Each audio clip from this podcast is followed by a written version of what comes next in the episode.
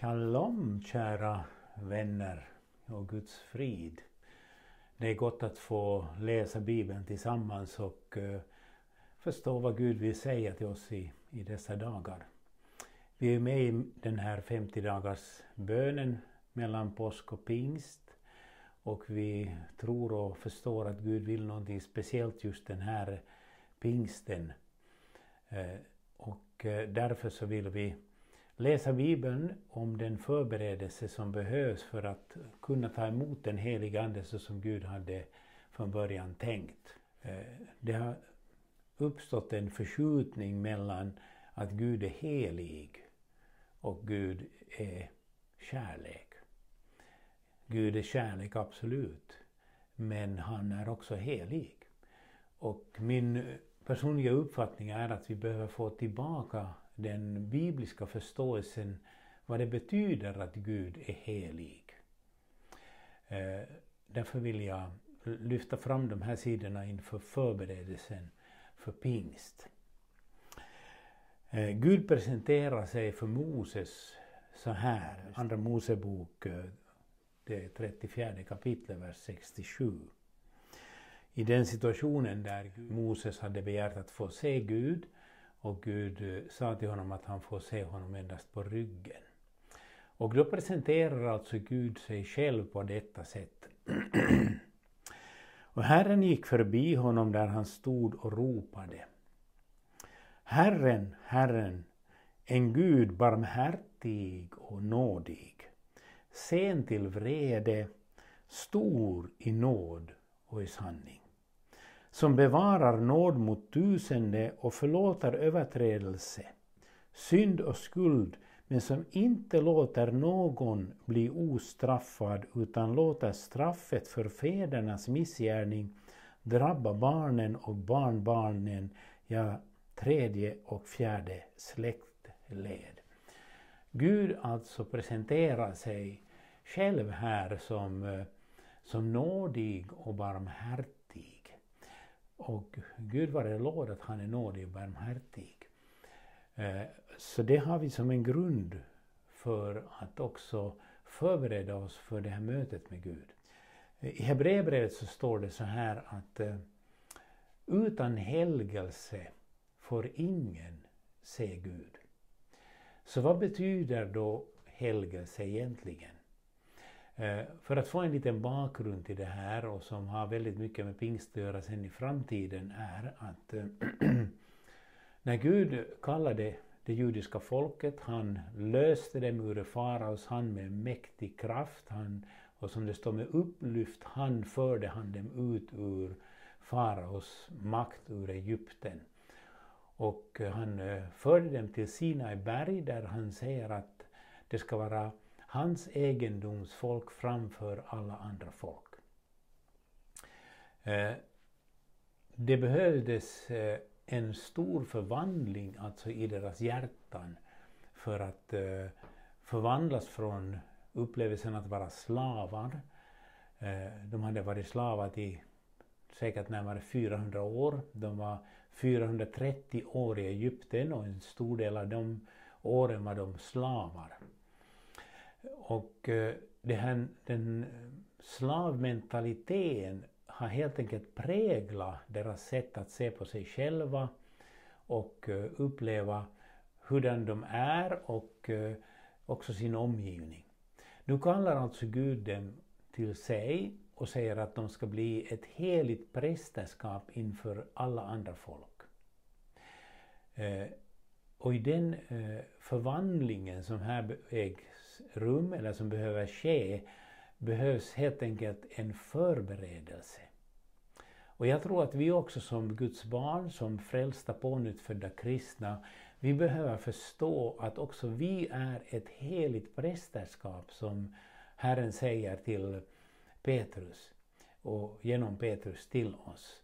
Vi är ett heligt prästerskap inför den, den människan vi lever och framförallt inför Gud. Och vi kan eh, se på någonting som har talat till mig väldigt starkt personligen inför den här eh, förvandlingen, om jag så skulle vilja uttrycka det. Eh, för vi behöver förvandlas. Och förvandlingen börjar med att vi vänder oss till Gud. Vi vänder oss till Herren och tar emot det ord han har gett oss. Israels folk skulle ta emot det ord han gav Moses på Sinai berg. Gud har inte förändrat sig, han är densamme idag och igår också i evighet. Det är inte en skild Gud i Gamla Testamentet och i Nya Testamentet, det är samma Gud. Det förnyade förbundet, eller det nya förbundet som vi talar om, det är inte skilt från det gamla förbundet utan den eh, har en starkare förmåga att förvandla våra liv. Och eh, jag skulle vilja läsa några verser från psalm 43 som har berört mitt eget hjärta väldigt djupt. Det står så här i psalm 43. Sänd ditt ljus och din sanning. Må det leda mig och må det föra mig till ditt heliga berg. Till dina boningar så att jag får gå in till dina altaren till Gud som är min glädje och fröjd och tacka dig på harpa, Gud, min Gud. Eh, här finns ett eh, konkret mål att komma fram till Guds heliga berg, komma fram till Guds altare. Altaret hörde till de föremål i Gamla förbundet som kallades för högheliga.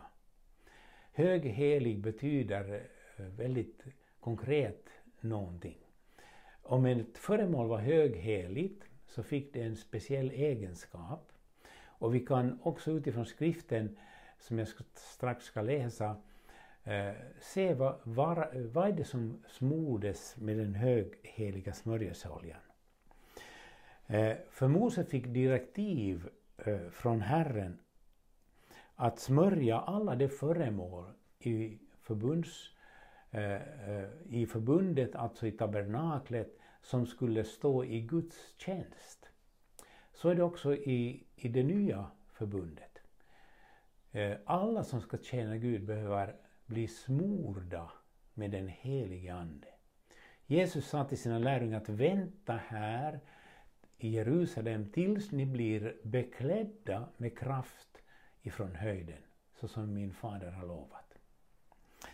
Så att se på vad, vad den heliga smörjelseoljan betyder och vad den ger är väldigt viktigt för oss att förstå.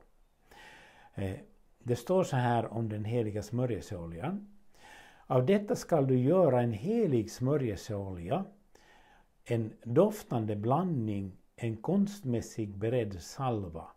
Den ska vara en helig smörjelseolja. Med den olja ska du smörja uppenbarelsetältet, vittnesbördets ark, bordet med alla dess tillbehör, ljusstaken med dess tillbehör, rökelsealtaret, brännofferaltaret med alla dess tillbehör och slutligen karet med dess fotställning. Du skall helga dessa föremål så att de blir högheliga.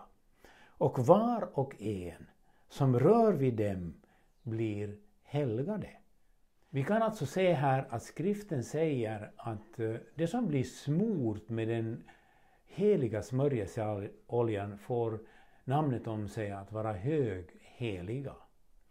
Höghelig betyder helt enkelt det som här stod att eh, den som rör vid dem blir helig. Eh, och det är samma sak idag. Om inte den helige Ande är utgjuten, om inte Guds närvaro finns där, så blir inte folket helgat. Folket blir inte avskilda för Guds syften. Därför behöver vi en ny pingst och vi behöver människor som förbereder sig att bli avskilda, smorda med helig Ande. Så om det finns ett altare eh, Altaret är ju den plats där offret läggs och eh, eh altaret hörde också till de föremål som blev högheliga. Jesus beskriver det här altaret eh, när han är i en diskussion med fariseerna i Matteus 24. Och där säger han någonting väldigt speciellt. Han säger så här han talar alltså till fariseerna och han säger så här. Ni blinda, vilket är för mer? Gåvan eller altaret som helgar gåvan? Vad jag vill alltså komma fram till här med det här lilla eh, eh, bibelstudiet är att om inte det finns ett altare så kan ingen bli helgad. Därför är det viktigt att vi förbereder oss för att ta emot den helige Ande, bli döpta i helig Ande och eld. När människor är fyllda av den helige Ande och någon annan rör vid en sådan människa eller kommer i närheten av en sådan människa eller lyssnar till budskapet som är predikat i den helige Andes kraft, då blir den människan helgad. Vilket betyder att eh, du blir avskild för Guds syften. Jag minns själv personligen när jag eh, första gången mötte Gud i en församling där den helige Ande var verksam. Innan så hade jag besökt kyrkorna, jag gick i skolan, eh, så var man på hösten och våren gick till kyrkan. Men det fanns ingenting som berörde en. Eh, man upplevde inte Gud där. Eh, nu vill jag inte säga att det är fel på, på kyrkan i, i, och det var det som var orsaken. Men, men när Gud mötte mig så kom jag till en församling där den helige Ande ruvade över församlingen. Och pastorn som steg fram och började förkunna Guds ord så var det som om Gud själv skulle ha talat. Det berörde mig så djupt att jag kunde aldrig bli densamme efter det. Gud helt enkelt avskilde mig till sina syften genom att jag kom till en plats som vi kan kalla Guds altare. Till en plats som var hög, helig. Sådana platser behövs idag. Därför är de här 50 dagarna mellan påsk och pingst så viktiga för oss. Och jag tror personligen att det här, den här pingsten ska vara en pingst då Gud kommer att beröra många av sina förkunnare och de som ger sig till honom och smörja dem med den helige Ande för att kunna skilja på det som är rätt och fel. På det som är heligt och det som är oheligt. Så att vi kan eh, eh, ta emot det som Jesus säger att den som hör sanningen, han kommer till mig. Och eh, sanningen kan inte bli hörd om inte den heliga smörjelseoljan finns där. Så kära vän, eh, sök Guds ansikte. Förbered dig. Må Gud välsigne dig.